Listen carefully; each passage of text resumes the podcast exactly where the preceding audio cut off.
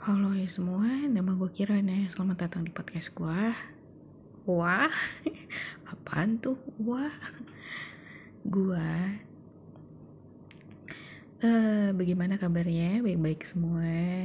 Sepertinya berita-berita mulai ya, berita corona maksud gue. Kayaknya mulai ya kalau di daerah gue di kota yang indah dan penuh penuh apa ya?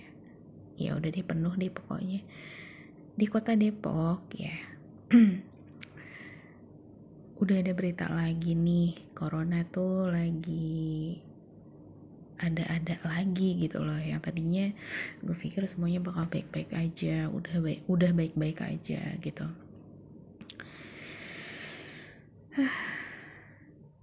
Baiklah lebih baik kita nggak usah ngomongin corona dulu deh karena sebenarnya gue karena sebenarnya gue lagi pengen uh, tadinya pembukaannya tuh gue kayak pengen ngeluh tentang Mobile Legend gitu. Mobile Legend lagi Mobile Legend lagi gitu ya.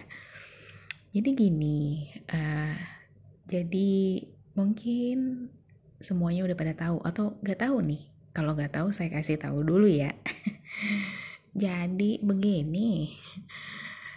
Gue tuh main nih main Mobile Legend nah terus uh, di titik di mana ah sudahlah eh tapi kayaknya emang gue tuh ah sudahlah itu udah dari tahu kapan ya? Tapi untuk kesekian kalinya ah sudahlah ini mungkin sudah beranak pinak entah ber, berubah menjadi apa gitu ya. Pokoknya intinya udah parah banget sih jadi alhamdulillah ya uh, puji syukur kehadirat Allah Subhanahu wa taala yang mana telah meredoi gue untuk mencapai legend satu. Udah tinggal dikit lagi ya.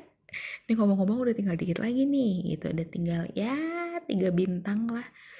Udah tinggal tiga bintang lagi untuk menuju mitik gue mainin lagi dong malam ini ya kan. Gue mainin lagi malam ini uh, tebak. Saya turun berapa bintang? 5 menuju ke legend 2 bintang 4 udahlah kayak ini orang-orang kenapa sih? Kayak gak ngerti. Ya perjuangan gue sampai ke, di titik ini tuh kayak menghabiskan keringat. Nggak ada keringat sih lebay gue. Menghabiskan tenaga. Nggak ada tenaga juga sih jempol doang sih yang pegel. Menghabiskan waktu. Nah itu dia yang benar. Menghabiskan waktu yang tidak sedikit gitu. Gue berinvestasi di sini. Berinvestasi main Mobile Legend ya pokoknya gitulah ya. Jadi sebenarnya sih kayak untuk senang-senang aja sih sebenarnya untuk kayak melepas penat dan lain sebagainya. Dan gue juga kayak penasaran gitu loh kenapa sih gue nggak bisa mitik dan gue kebut lah itu ya gitu ya. Dan akhirnya ya bisa mencapai uh, legend satu. Udahlah. Aduh pusing pala gue sumpah. Sumpah gue pusing banget kesel emosi. Itu semua tuh menjadi satu gitu ngomong-ngomong udah denger belum? Eh tadi gue pengen ngomong apa ya? Gue ngomong di gue tuh tadi rencana gue pengen bikin podcast. Gue pengen ngomongin apa ya? Oh ini gak sih? Ne si Nessie gak sih? Nessie Judge. Parah ya? Udah denger gak sih? Denger ya parah banget ya. Gue gak tau kenapa ya setiap gue mendengar kata-kata selingkuh itu gue tuh ke-trigger banget loh. Ke-triggernya tuh dari berbagai macam arah gitu loh. Oke gue pengen cerita dengan sangat serius ya. Gue pengen cerita onet aja deh ya karena ini sumber trigger gue tuh ceritanya tuh dari dia gitu loh. Ini tuh gue tuh kayak gak akan bisa lupain ini gitu. Nah setiap gue mendengar kata selingkuh gue tuh selalu ke triggernya tuh dari dia. Paling banyak dia sih. Walaupun sebenarnya gue juga benar-benar pernah juga sih diselingkuhin sama orang lain tapi itu menurut gue triggernya tuh kurang gitu loh. Ini lebih-lebih nih gitu. Jadi gini ceritanya uh, ini cerita perselingkuhan gue ya bukan percintaan. Eh percintaan sih. Ya udahlah selalu dah. Jadi gini gue menganggap ketika gue ketemu sama si Onet ini bakal panjang nih nggak apa-apa ya. Biasalah udah nyantai-nyantai dulu lah ya. Kan tadi udah pembukaan gue. Lanjut ya. Oke. Jadi gini gue awal-awal merasa ketika gue ketemu Onet itu gue jujur ya pertama kali banget pertama kali banget gue nggak berpikir macem-macem. Gue tuh kayak kenalan ya kenalan aja. Kita kenalan dulu dari Twitter. Gue gue nggak tahu gimana tiba-tiba gue, tuh nggak nge-add akun realnya dia gitu ya akun realnya dia gue add kayaknya sih nggak sengaja. Gue kayak main add aja gitu ngasal gitu lah ya. Gue add terus kayak fotonya foto dia lagi di kuncir apa di kepang gitu gue lupa. Pokoknya dia pakai jaket merahnya dia. Terus gue berpikir kayak eh ini lucu juga nih gitu. Lucu gitu nggak ada pikiran macem-macem. Terus kayak tiba-tiba dia menyapa gue menyapa gue terus uh, apa ya gue tuh kayak biasa aja sih gue biasa aja gitu. Awal-awal gue biasa aja sampai akhirnya kita tukeran line di situ gue merasa uh, memang gini deh lu ngerasa gak sih kalau lagi deket sama orang nih itu tuh udah ada feelingnya gitu udah ada kliknya udah ada chemistry-nya gitu. Lu ngerasa gitu gak sih? Gue ngerasa kayak gitu. Nah biasanya gue kenalan sama orang-orang kan ya banyak ya. Gue kan suka iseng suka bercanda-canda gitulah kalau misalkan di media sosial gitu. Terus waktu itu tuh banyak yang nanggepin lah gitu di Twitter gitu. Nah salah satunya dia gitu nah kalau sama si dia ini gue tuh dapet kliknya gitu sama si Onet ini. Terus padahal gue sama sekali nggak tahu loh sampai di titik di mana ketika dia ngasih tahu umurnya umurnya lebih tua jauh daripada gue beda 11 tahun. Semua berjalan awalnya ya semua tuh berjalan mulus. Gue merasa ini adalah kisah baru pengalaman baru dengan orang yang jauh lebih tua gitu loh ya kan? Tadinya gue berpikir bakal banyak cerita yang bisa gue ambil bakal banyak uh, cerita yang bisa gue petik. Karena gue dulu bahkan ya dulu saking saking gue nggak pernah ke mana-mananya ketika gue sama si Onet adalah itu kali pertamanya gue naik pesawat.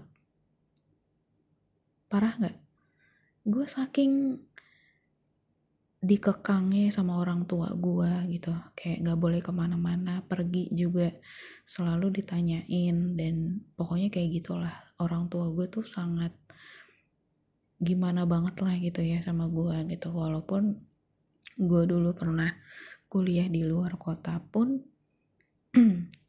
orang tua gue tuh seketat itu penjagaannya. Waktu itu banyak banget pengalaman pertama yang gue alamin sama si Onet ya. Selain gue naik pertama eh gue naik pertama. Selain gue naik pesawat untuk pertama kalinya Onet tuh uh, ngasih gambaran yang apa nih ya kayak bahasan yang sebelumnya gue nggak pernah tahu. Kayak contohnya waktu itu dia kayak nonton serial film kan. Judulnya Black Mirror. Pada saat itu sekalipun gue tuh nggak pernah tahu film serial itu apa sih gitu. Parah nggak? Parah.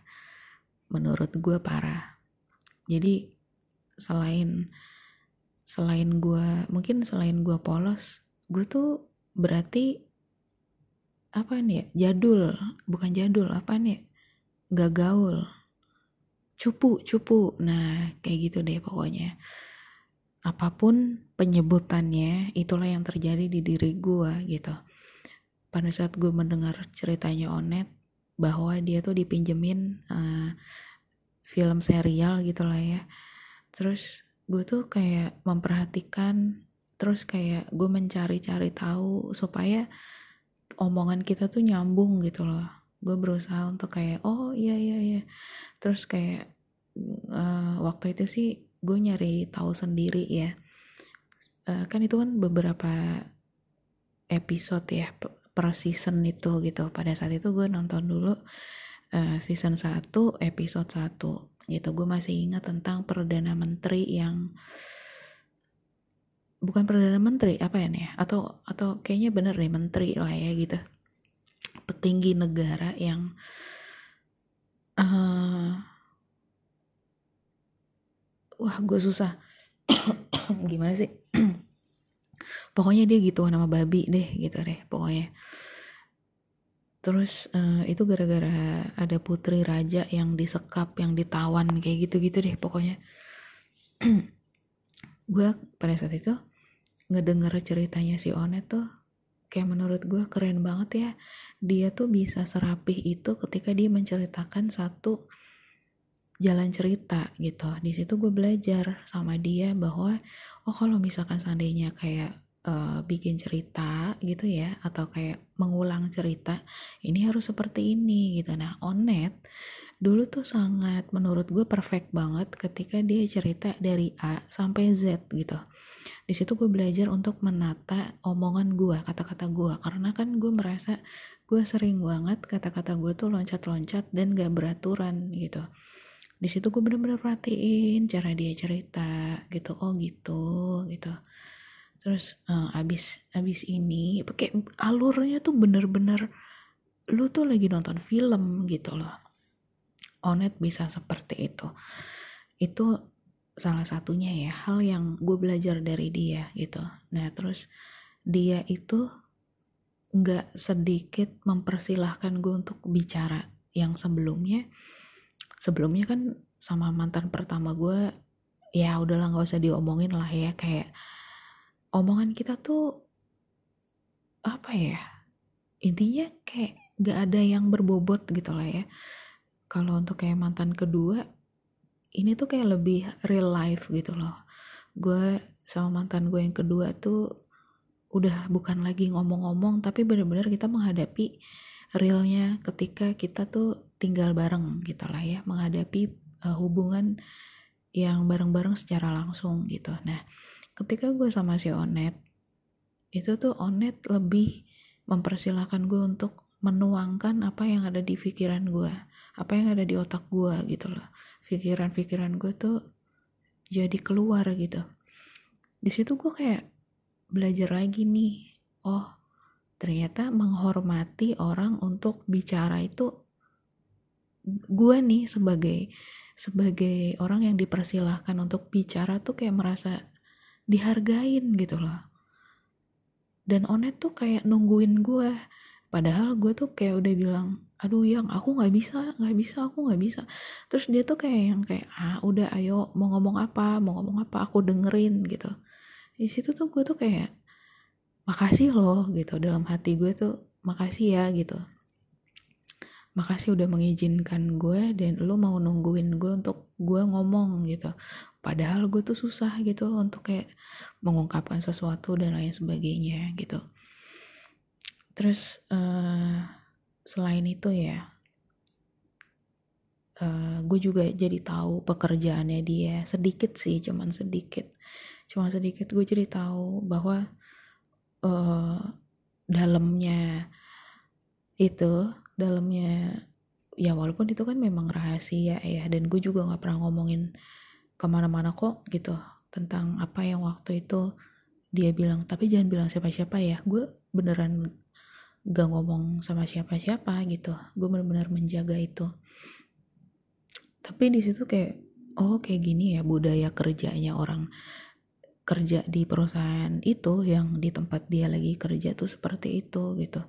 Dan kikuknya kayak gimana ribetnya kayak gimana gitu. Ya di luar itu ya gue nggak tahu ya karena kan kelihatannya aja nih Onet memang seperti itu sibuknya seperti itu ketika ketika gue udah nyaman gitu ya ketika gue udah nyaman sama si Onet di situ gue ngerasa betapa kayaknya diri gue diri gue tuh terupgrade gitu loh ngerti gak gue yang tadinya ibaratnya level 1 itu kayak ngerasa oh gue naik tingkat nih jadi level 2 level 3 gitu loh. Dari segi uh, pemikiran dari banyak hal deh pokoknya ya. Banyak hal gue kayak ngerasa level gue tuh naik gitu. Awal-awalnya kita pacaran seperti itu awalnya. Gue ngerasa uh, ini kita cocok banget gitu. Gue ngerasanya kayak gitu ini kayak gue ngerasa uh, gue gue cocok banget dan gue diperlakukan sangat layak sangat layak sumpah. Kayak tapi gue kan nggak tahu ya. Jadi di mobil di mobil tuh uh, dia narik tangan gue untuk di kan mobilnya dia masih eh dia gue lupa ya otomatis atau manual ya? Mobil dia gue lupa sih. Eh manual ya? Iya manual. Mobilnya dia kan manual gak sih? Iya manual. Nah terus tangan gue tuh di diomongin gak ya? Diomongin gak ya? Ya pokoknya pokoknya intinya di mobil gini deh ceritanya gini deh biar enak. Gue tuh di mobil gak tahu kan apa yang harus gue lakukan pada saat itu gitu. Jadi gue tuh kayak ya udah duduk aja gitu. Dan ternyata dia tuh kayak melakukan hal yang romantis lah gitu. Menurut gua menurut gua di mobil itu dia pegang tangan gua gitu. Terus uh, di situ tuh gue tuh kayak yang merasa spesial gitu loh. Karena gak pernah ada orang yang memperlakukan gue seperti itu sespesial itu gitu. Maunya tuh mantan-mantan gue kan di treat kan. Nah ini sekarang gue jadi di treat nih gitu. Jadi kayak kebalikannya nih gitu. Kayak biasanya kalau lagi naik motor sama mantan gue uh, pokoknya sampai jaket pun itu jadi masalah loh. Waktu sama mantan kedua gue gue nggak nggak ngasih jaket gue aja dia marahnya udah kayak nggak tahu apaan gitu. Jadi gue harus lepas jaket gue dan gue pakein ke dia. Gue nggak pakai jaket naik motor men gitu.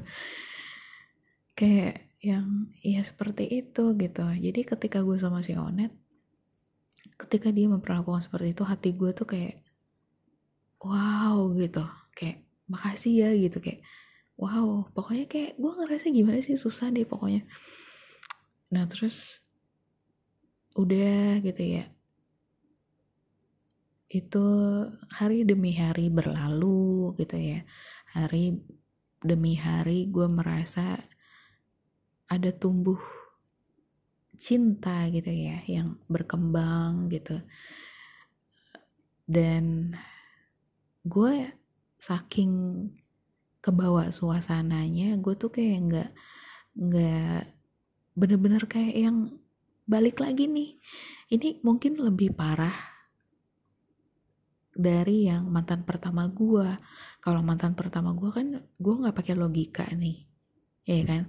Ini lebih-lebih karena bener-bener yang kayak perasaannya tuh ibaratnya kayak beneran loh semuanya gue kasih ke dia gitu. Hati gue semuanya deh pokoknya semuanya gue kasih buat onet gitu. Terus uh, dan gue berpikir bahwa ini akan panjang gitu dan mungkin gue bakal melewatkan ini perjalanan ini tuh uh, gak sebentar lah gitu. Itu dalam dalam hati gue tapi gue lupa ya kan gue memang punya kelebihan ya. Gue tuh kayak kalau gue udah punya gambaran ini akan panjang justru akan ke, ini kebalikannya gitu. Gue lupa kalau gue punya bisa kayak gitu gitu. Gue gue tuh lupa gitu. Karena yang udah-udah tuh bukannya sombong ya maksudnya gue tuh sering banget ya dikasih gambaran kalau misalkan ini oh jadinya gitu gitu loh jadi kebalikannya gitu nah tapi karena gue kayak selalu berpikir positif ya gue menjalani itu sampai sampai kayak saking ke bawah suasana gue juga merasakan uh, hubungan ini tuh mulai biasa-biasa aja gitu loh. Pada suatu hari Onet tuh menunjukkan sifat anehnya. Anehnya adalah mulai hambar. Kayak yang tadinya banyak perhatian, dia udah gak perhatian. Dan itu bener-bener kayak gue ngerasa drastis banget. Gak kayak ada tahapannya, enggak. Ini langsung yang drop gitu. Di situ gue bertanya-tanya, mungkin gue itulah kali pertamanya itulah kali pertamanya gue ngerasa mungkin gue ada salahnya gitu gue mungkin kurang ini gue mungkin kurang itu gue mungkin tidak memenuhi apa yang dia butuhkan apa yang dia cari apa yang dia mau gitu. Banyak hal tuh mulai tuh. Pikiran gue mulai di situ karena gue kayak udah udah apa ya campur aduk lah ya. Akhirnya gue mulai toxic gitu. Gue tuh kayak takut gitu loh takut untuk kehilangan dia gitu gue takut untuk uh, hubungan ini berakhir. Gue takut banyak hal yang gue takutkan gitu. Terus mulai itu gue tuh kayak ibaratnya tuh benteng bukan benteng apa nih ya? Tanggul yang mulai bocor. Itu gue kayak berusaha untuk kayak nambal-nambal. Jangan sampai jebol gitu. Itu yang bocor tuh bener-bener kayak hahaha gimana nih gimana nih? Aduh aduh aduh aduh gitu. Gue tuh mulai panik gue mulai panik kan. Terus gue harus ini gue harus itu. Oke okay, ha, iya gue ketika gue putus sama dia terus kan gak lama kita balikan lagi tuh ya. Itu gue tuh kayak udah ngerasa oke okay, balikan kali ini balikan yang kedua itu gue harus uh, ngasih apa aja yang dia mau. Gue bener-bener tuh ketika gue balikan lagi sama dia dari yang tadi gue kasih satu padahal itu udah gue kasih semua loh. Ini kali ini gue sampai yang kayak gak ada lagi loh gak ada lagi yang gue simpan-simpan gak ada lagi yang gue sisa-sisain.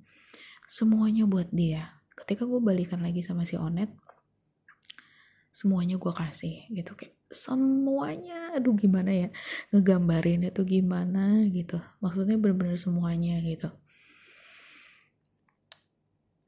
pas udah balikan gue merasa tenang karena si Onet bilang gini hmm, hanya kamu yang ada di hati aku hanya kamu yang aku pikirkan. Terus gue tanya kenapa bisa kayak gitu? Kata dia karena hanya kamu yang mengerti aku. Gue masih ada bukti chatnya dia Ingat, gue masih simpen semua chatnya dia dari tahun 2015.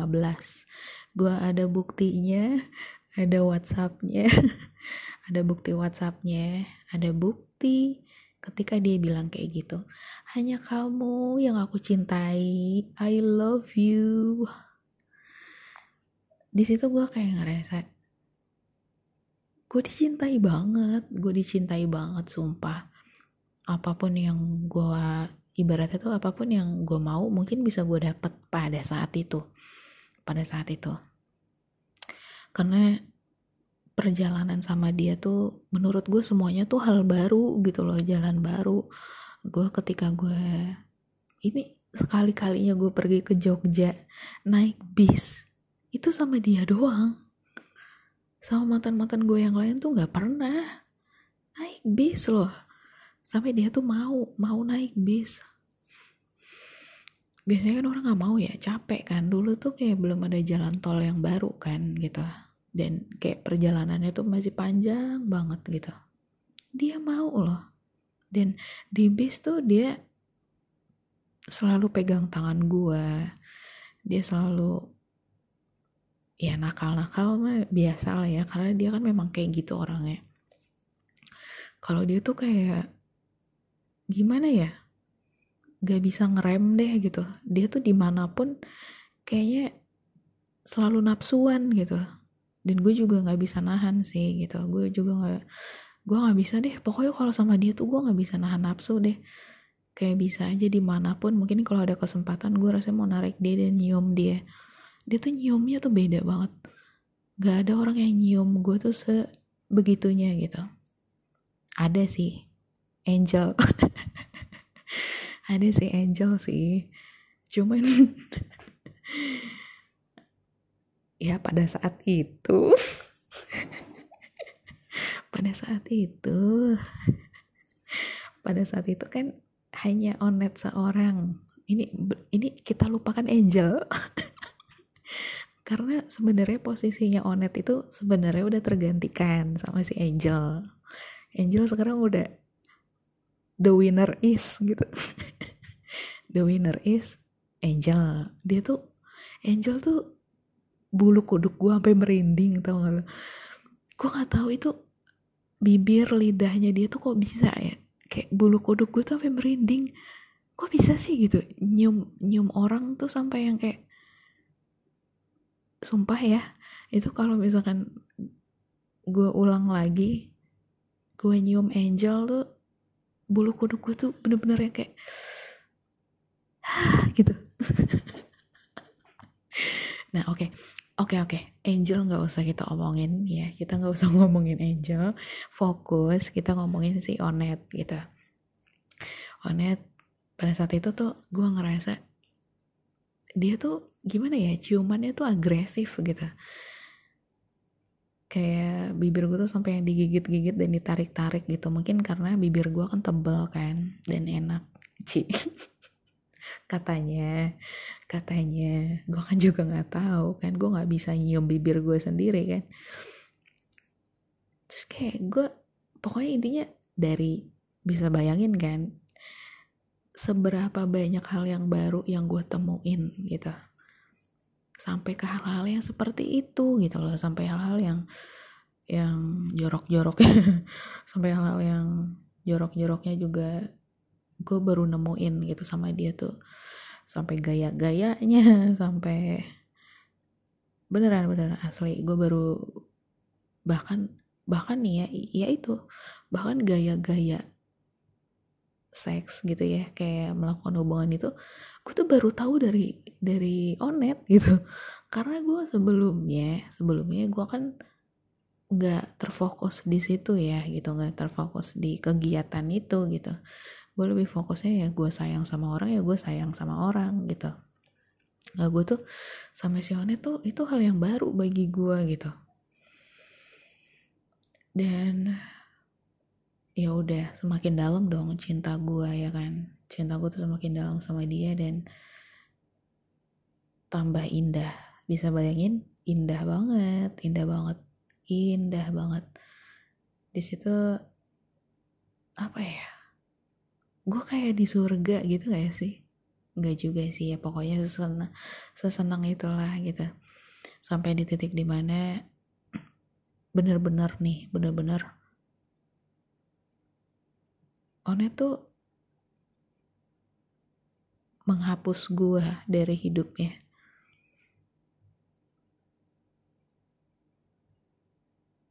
Gue gue kayak gue kenapa gue terdiam? Karena gue kayak masih inget malam itu. Dia minta gue untuk kayak lu hapus aja rasa lo gitu. Lu lupain aja lu lupain gue aja. Terus gue kayak itu loh rasa rasanya tuh kayak gue masih bisa merasakan gitu loh ketika dia ngomong kayak gitu. Terus gue gue kan emang orangnya agak-agak jual mahal ya maksudnya kalau misalkan dia udah bilang kayak gitu oh ya udah gue bilang kayak gitu kan gue iyain aja. Pokoknya apa pun yang dia bilang gue iyain. Biasanya kayak ada jangka waktu beberapa jam atau beberapa hari dia tuh bakal lunak gitu. Tapi ini kok enggak gitu. Dia nggak ada nyapa gue lagi dia nggak ada apa pun lah gitu ya. Gak ada. Di situ gue kayak bener-bener ngerasa kayaknya ada sesuatu hal terjadi gitu. Yang setelah gue cek lagi cek lagi oh dia komunikasi lagi sama mantannya. Oh ternyata memang ada orang baru yang inisialnya sama kayak gua nama gua huruf depannya sama. Di situ kayak gua ngerasa oh iya sih gitu. Gue begini sedangkan dia begitu. Si orang itulah ya yang inisialnya sama kayak gue aduh kita kasih nama siapa ya? Karena gue Kirana berarti dia gue kasih nama Kirun? Kenapa Kirun lah kan mirip ya. Kan kan inisialnya sama. Ya udah deh karena gue Kirana gue kasih dia nama Kino. Iya udah Kino aja deh. Nah si Kino gue tuh kayak jadi membandingkan. Oh Kino iya sih ya dari orang yang berpendidikan tinggi udah gitu juga umurnya juga di atas onet gitu ya. Punya pengalaman banyak dia juga sebuah apa sebuah seorang editor. Aduh cocok banget editor dengan penulis gitu kan ya. Kayak lu mau ngomong apa aja mungkin dia juga bakal nyambung gitu beda sama gue kalau misal seandainya si Onet ngomong apa bisa jadi itu adalah hal yang baru dan akhirnya gue nggak ngerti dia ngomong apa gitu. Kan gue ini kan hanya apa ya berusaha aja gitu lah ya. Berusaha kalau misalkan pacar gue ngomong apa gue kayak berusaha untuk kayak oh iya iya iya gitu. Kayak memahami gitu lah ya. Nah mungkin kalau misalkan dia sama si Kino tanpa perlu belajar memahami si Kino udah paham gitu loh. Ya kan? Bisa bisa ngerti lah ya gimana gitu. Di situ gue kayak semakin merasa iya sih gitu. Gue gue ini apa sih? Gue hanya orang yang masih berumur 24 tahun pada saat itu 23 24 lah gitu. 23 24 tahun dan gue gak punya pengalaman yang banyak dan gue juga gak tahu gitu ya buku-buku tulisan-tulisan bagaimana cara menulis bagaimana cara uh, berpikir. Sedangkan pikiran gue aja gak bener gimana caranya gue bisa ah udahlah. Intinya banyak hal yang di situ gue ngerasa aduh diri gue minus banget. Gue gue bener-bener ya Allah gue telak banget gitu. Kayak mungkin si Kino dapat skornya 10 gitu ya. Sedangkan gue satu pun aja gue nggak dapet skornya. Gue nol. Skor gue tuh nol. Di situ gue kayak ngerasa nggak ada skor di gue pantasan aja Onet nggak pernah menghubungi gue lagi. Di situ gue kayak semakin terpuruk semakin terpuruk dan gue kayak ngerasa gue seburuk itu ya gitu. Gue ah gue kayaknya harus tahu ini itu tapi nggak bisa. Nggak bisa. Gue nggak bisa. Gue di situ awalnya ya gue memaksa diri gue untuk kayak mengupgrade diri gue dari beberapa sumber gitu. Entah itu teman gue entah itu sahabat gue entah itu uh, orang baru yang jadi pacar gue uh, entah itu gebetan siapa pun lah gitu. Di situ gue kayak memaksakan diri gue untuk berkenalan dan mencari pacar yang super pinter. Itulah kenapa gue itulah kenapa gue tuh kayak terobsesi banget punya pacar yang pinter gitu. Ini sebelum gue ketemu sama si Risa ya. Gue kayak gimana ya? Gue pengen deh gitu kayak punya pacar yang pinter terus tiba-tiba gue juga jadi pinter pikiran gue kayak gitu. Padahal kan gak bisa gitu ya. Padahal tuh kayak misalkan misalkan pacar gue pinter nih. Belum tentu gue pinter gitu kan. Emang pikiran gue tuh bener-bener sepolos itu. Dulu dulu tuh kayak makanya dulu kan kayak kenalan gue habis dari onet ya. Anak UI anak UI lagi. Terus uh, apa ya Universitas Bali itu apa namanya? Ya pokoknya yang yang orang Bali lah ada. Terus yang yang orang Malang juga ada. Kayak gue berusaha kayak mense men mense mensejajarkan Allah mensejajarkan mensejajarkan kayak ya seenggaknya mirip-mirip onet lah gitu. Tapi nggak bisa. Nggak bisa. Dan gue nggak bisa jatuh cinta dan rasanya tuh beda gitu. Dan nggak semua orang pinter tuh enak dipacarin. Kayak bosen gitu loh menurut gue ya menurut gue karena nggak ada asik-asiknya gitu pada saat itu terus kayak emang ternyata emang pribadinya orang itu aja. Emang pribadinya orang itu aja gitu. Ya buktinya gue beberapa kali ketemu orang yang asik juga sih enak juga gitu orang pinter tapi asik juga gitu. Tapi gue tetap masih ini sih berambisi tetap sampai detik ini pun sama sih. Gue masih berambisi untuk kayak gue tertarik aja gitu loh. Karena pasti banyak hal yang gue nggak tahu akhirnya gue tahu gitu. Banyak hal yang kayak gitu gitu yang gue temuin. Terus uh, sedihnya sedihnya ketika gue stalking uh, jadi pernah suatu hari Onet ngasih gue sepatu Nike. Sebenarnya sih bukan ngasih sih jadi Onet minta tolong jualin Kirana tolong jualin sepatu gua dong. Oke okay, gue bilang karena gue sering jual-jualin dan barang apa pun yang di tangan gue selalu terjual gitu. Gue tuh dulu tuh tangan gue ini asik. Enggak enggak enggak jadi gue intinya gue punya keahlian apa pun yang gue jual itu langsung terjual gitu. Nah bunyinya dulu dong. Nah gitu terjual gitu ya secepat itu. Gue dulu mau nyari barang jual barang hubungi Kirana gitu. Gue dulu kayak gitu. Terus kayak oke okay, gue jualin. Tapi sepatu itu gue nggak tahu kenapa ya namanya juga sepatu ya kan tergantung barangnya. Itu susah. Dan yang nawar juga Afgan gitu. Kayak nawarnya itu sadis gitu. Itu sepatu nggak kejual. Akhirnya Onet bilang ya udah itu buat buat kamu aja sepatunya siapa tahu nyokap kamu mau. Terus gue bilang aduh boro-boro ya nyokap gue kan bukan anak Nike nih. Beliau nggak pernah pakai sepatu sport dan beliau lebih suka sepatu ibu-ibu gitu gue pikir di gue juga gak muat kakinya karena gue ukuran 41 dia 36 kakinya memang mungil. Si One tuh kakinya tuh mungil.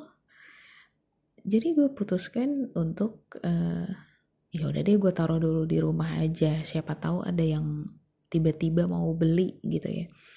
Sampai di titik ketika gue putus sama dia gue balikin semua barang-barang yang dia pernah kasih ke gue dia pernah ngasih jam tangan yang menurut gue itu jam tangan cakep banget dan itu jam tangannya dia gitu waktu itu. Karena gue nggak tahu dia ya dia kan gitu ya. Dia kayak ngelihat ada sesuatu hal yang ini kamu pakai ini deh baju ini deh kamu pakai sandal ini deh kamu pakai gue tuh kayak ngerasa terawat sih sama dia. Sumpah dari gaya pakaian dan lain sebagainya deh pokoknya. Pada suatu hari di kereta dia makein jam tangan di tangan gue kata dia kamu pakai jam tangan ini ya gitu. Terus kayak gue bingung kan loh lu terus lu pakai apa? Gitu. Terus nanti gue pengen beli lagi kata dia. Tapi dia gak puas tuh dia beli jam tangan. Terus kayak kegedean dan aneh gitu di tangannya dia. Gue juga ngeliat kocak juga nih jam tangannya dia. Kayak kurang bagus lah kurang cocok gitu loh. Akhirnya dia pakai jam tangan bokap ya gue inget banget waktu ngedet jam tangannya dia berembun. Terus gue bilang udah deh kamu pakai aja nih jam tangan kamu lagi gitu kan. Terus dia tetap gak mau. Ketika putus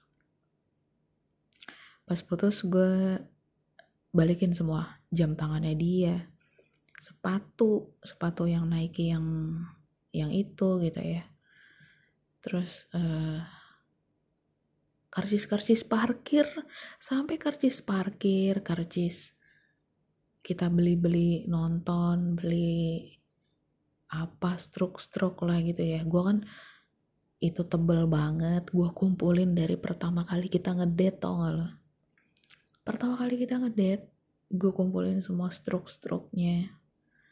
Rapi banget tadinya tuh rapi banget terus apalagi ya? Oh sama vas bunga sampai itu sebenarnya bunganya udah layu. Dia waktu itu pernah ngasih gue bunga mawar satu sama pot-potnya gitu gue balikin. Terus sama ada dia beliin pernak-pernik di Jogja gue balikin ya barang-barang yang kayak gitulah ya gue balikin lah. Terus gue kayak sumpah lo gue kayak gak berhenti nangis ketika itu sepatu dipakai sama si Kino. Sepatunya di foto ya si Kino moto nih moto sepatu itu. Terus kayak gue tuh kayak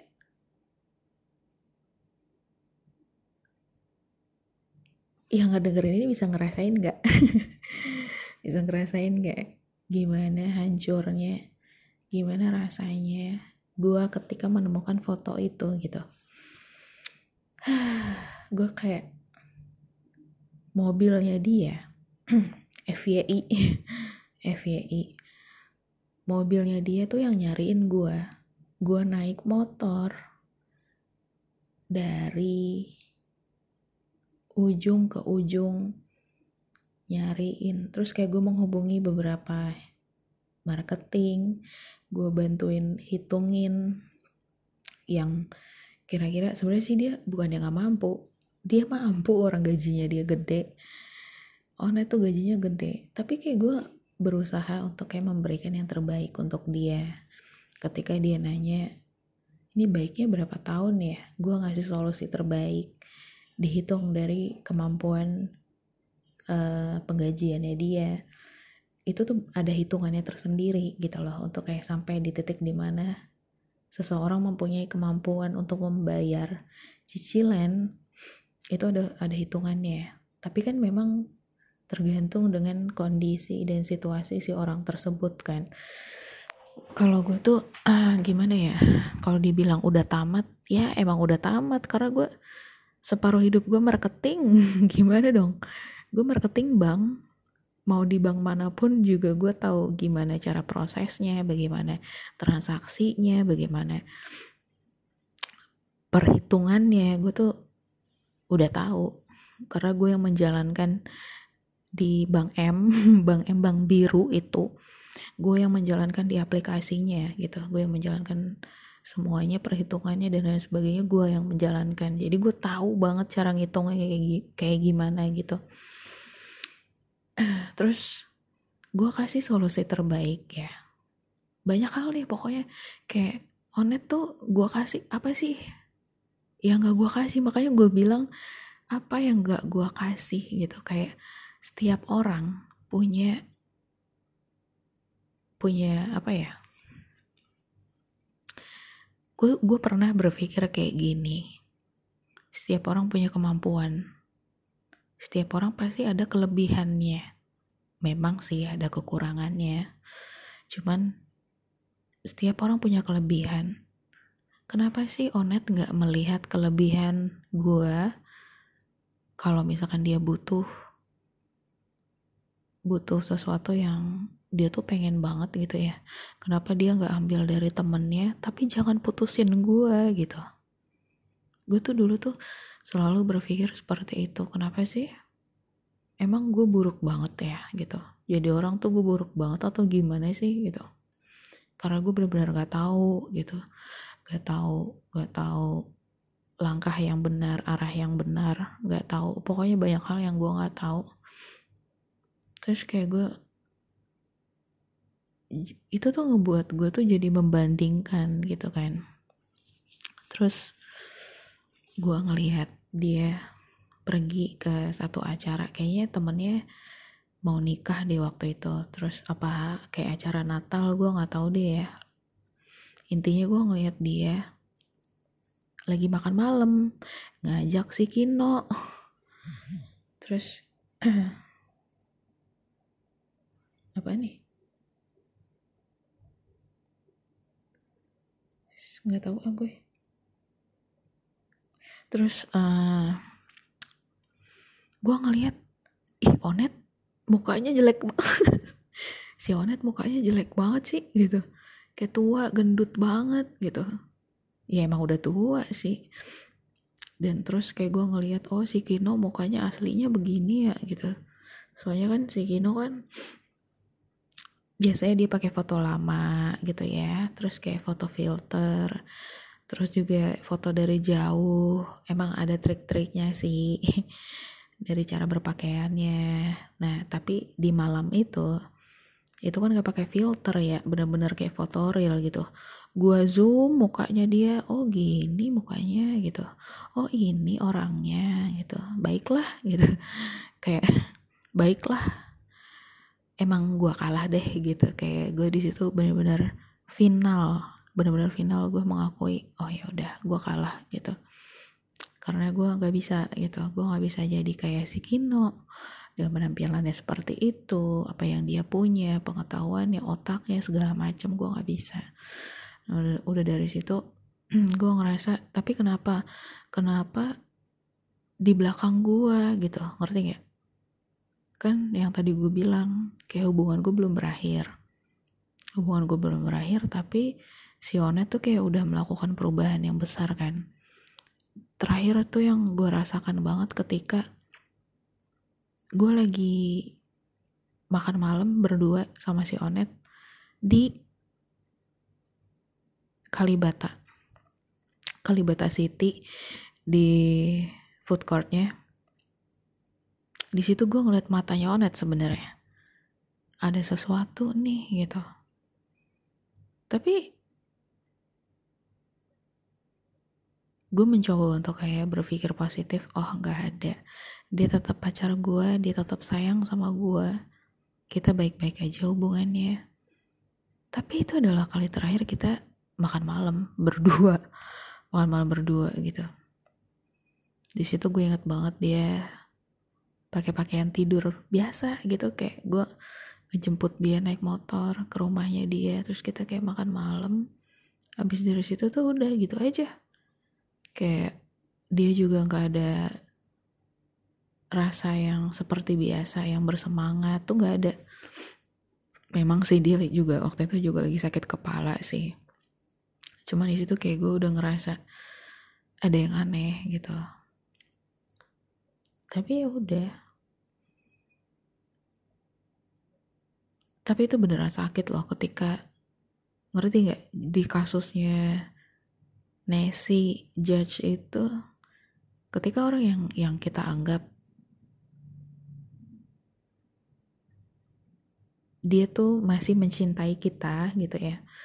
Dia tuh ya kayak biasanya gitu ya apalagi itu kan dalam hitungan hari. Ya sama. Gue juga itu dalam hitungan hari loh. Dalam hitungan hari dia tuh kayak Onet tuh kayak masih yang uh, manis banget gitu. Kayak gue masih bisa merasakan kehangatannya dia setiap pagi. Yang selamat pagi. Terus kayak candaannya dia tuh kayak gue gue masih bisa merasakan. Tapi dalam hitungan beberapa hari dia berubah gitu dia berubah terus kayak yang gue merasa ditinggal. Gue merasa ada apa sih nih? Gitu. Gue ngerasa oh ternyata ada orang lain. Gitu. Itu rasanya tuh kayak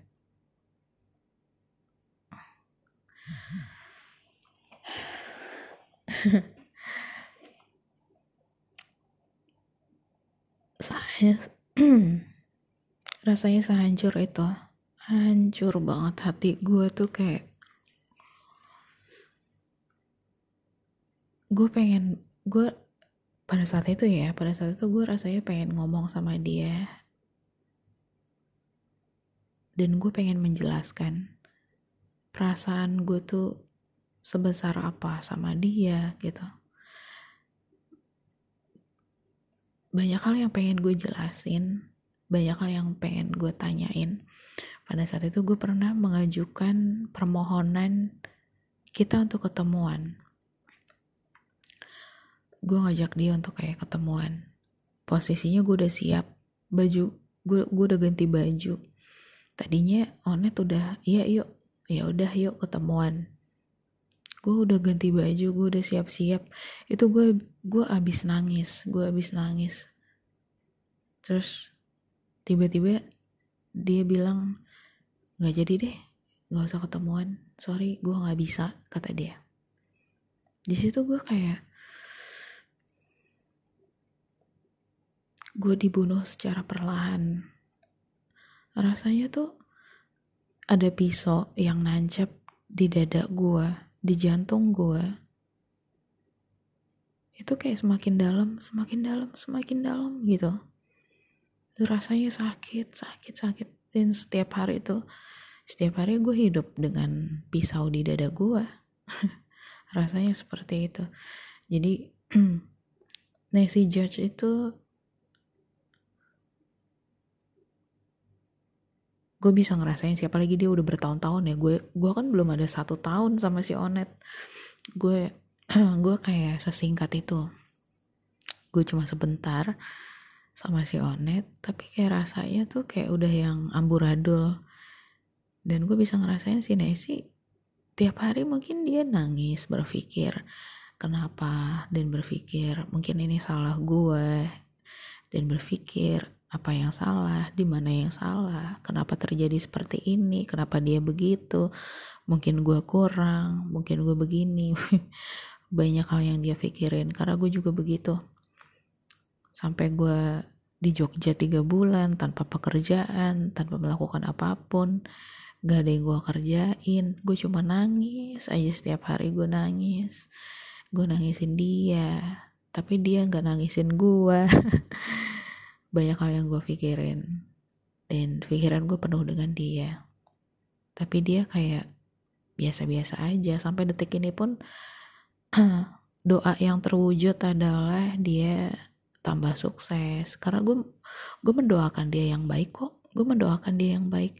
Semoga dia karirnya baik-baik aja. Semoga dia lebih mapan. Dia juga udah coming out ke semua orang ya bagus gitu ya. Terus juga dia udah sampai di titik di mana itu pencapaiannya dia yang tertinggi gak sih? Terbaik gak sih?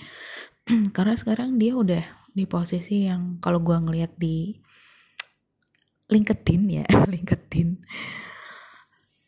Di di situlah gitu ya di LinkedIn. Itu dia udah punya jabatan yang tinggi di perusahaan itu. Dan gue kayak bagus bagus. Gue kayak kayak yang bagus happy ya seneng ya. Lo pasti happy banget lo pasti jangan deh jangan ngerasain kayak gue gitu ya. Kali itu nggak enak kayak semuanya hancur ngerti nggak? Ketika ketika gue putus sama dia tuh dia semakin naik jabatannya dia naik. Beneran gue putus bulan September. Oktober. Dia naik pangkat tau gak satu bulan ketika gue tuh putus dari dia dia naik pangkat.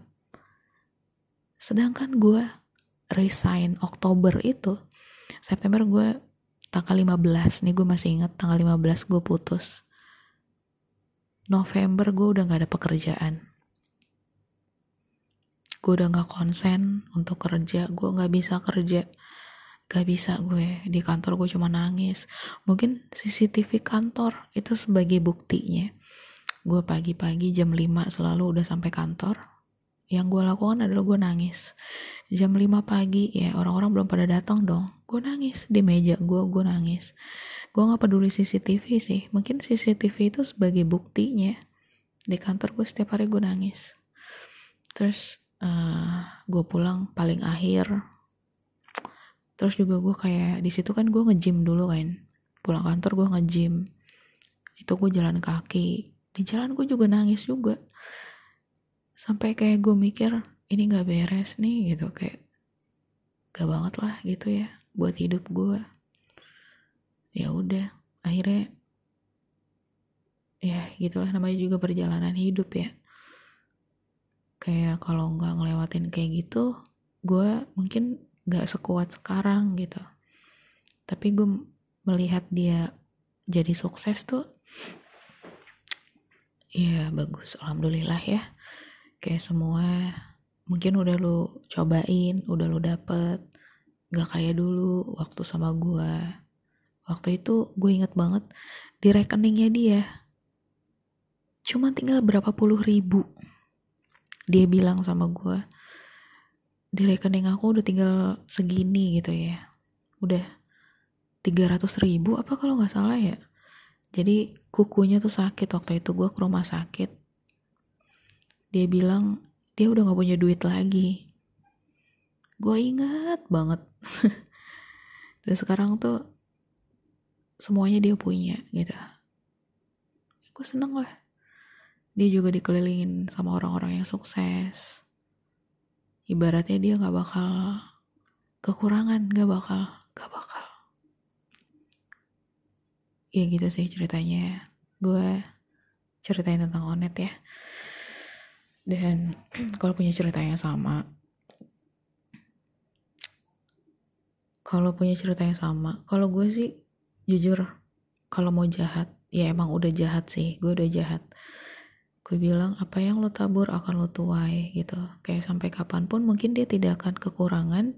Dia selalu bercukup se, dia selalu berkecukupan. Tapi gue nggak tahu kan hidupnya dia sesepi apa. Memang mungkin kayak ada temennya banyak atau kayak gimana tapi gue nggak akan tahu dia tuh kayak gimana aslinya gitu. Ya kita nggak tahu lah orang-orang juga nggak tahu kan gue juga nggak tahu kan kayak gimana kondisinya hidup gue sendiri ya kan ke depannya dan lain sebagainya. Tapi awalnya gue mendoakan yang buruk tapi lama-lama kayak enggak sih. Gue kayak bener-bener udah plong sih sekarang. Karena ya itu tadi karena gue udah ketemu si Angel. Karena gue udah ketemu si Angel. Angel tuh makanya gue bilang gue gue pernah bilang kan Angel tuh penyelamat gue dari segala mara bahaya gitu cerita gue memang udah berakhir sama si Angel. Tapi dia tuh kayak kok bisa ya? Dia tuh kayak menyembuhkan semua luka-luka di diri gue gitu. Cuma namanya trigger ya tetap aja bakal menyerang gue gitu. Kalau ada kata-kata selingkuh ya gue tetap aja ke trigger gitu. Ke triggernya ya itu sih gara-gara ada si Kino. Kayak gue ngerasa oh gitu. Oh gitu. Oke. Okay. terus ada mantannya dia juga kan? Oh gitu. Iya sih dia bule. Mantannya dia kan bule. Mantannya si Onet. Sedangkan gue bule. Kalau mantannya si Onet bule gue bule. Bulenya Pak Le gitu kan. Jauh banget lah. Ya elah gue apa sih? Tapi ya udah sih ya. Gue tetap masih mendoakan yang baik-baik untuk sekarang. Semoga dia sukses selalu happy selalu dan ya udah sih. Namanya juga di dunia ya ya dinikmati aja. Gitu. Ya udah sampai sini dulu case gue. Sampai ketemu lagi di case gue selanjutnya ya. Bye bye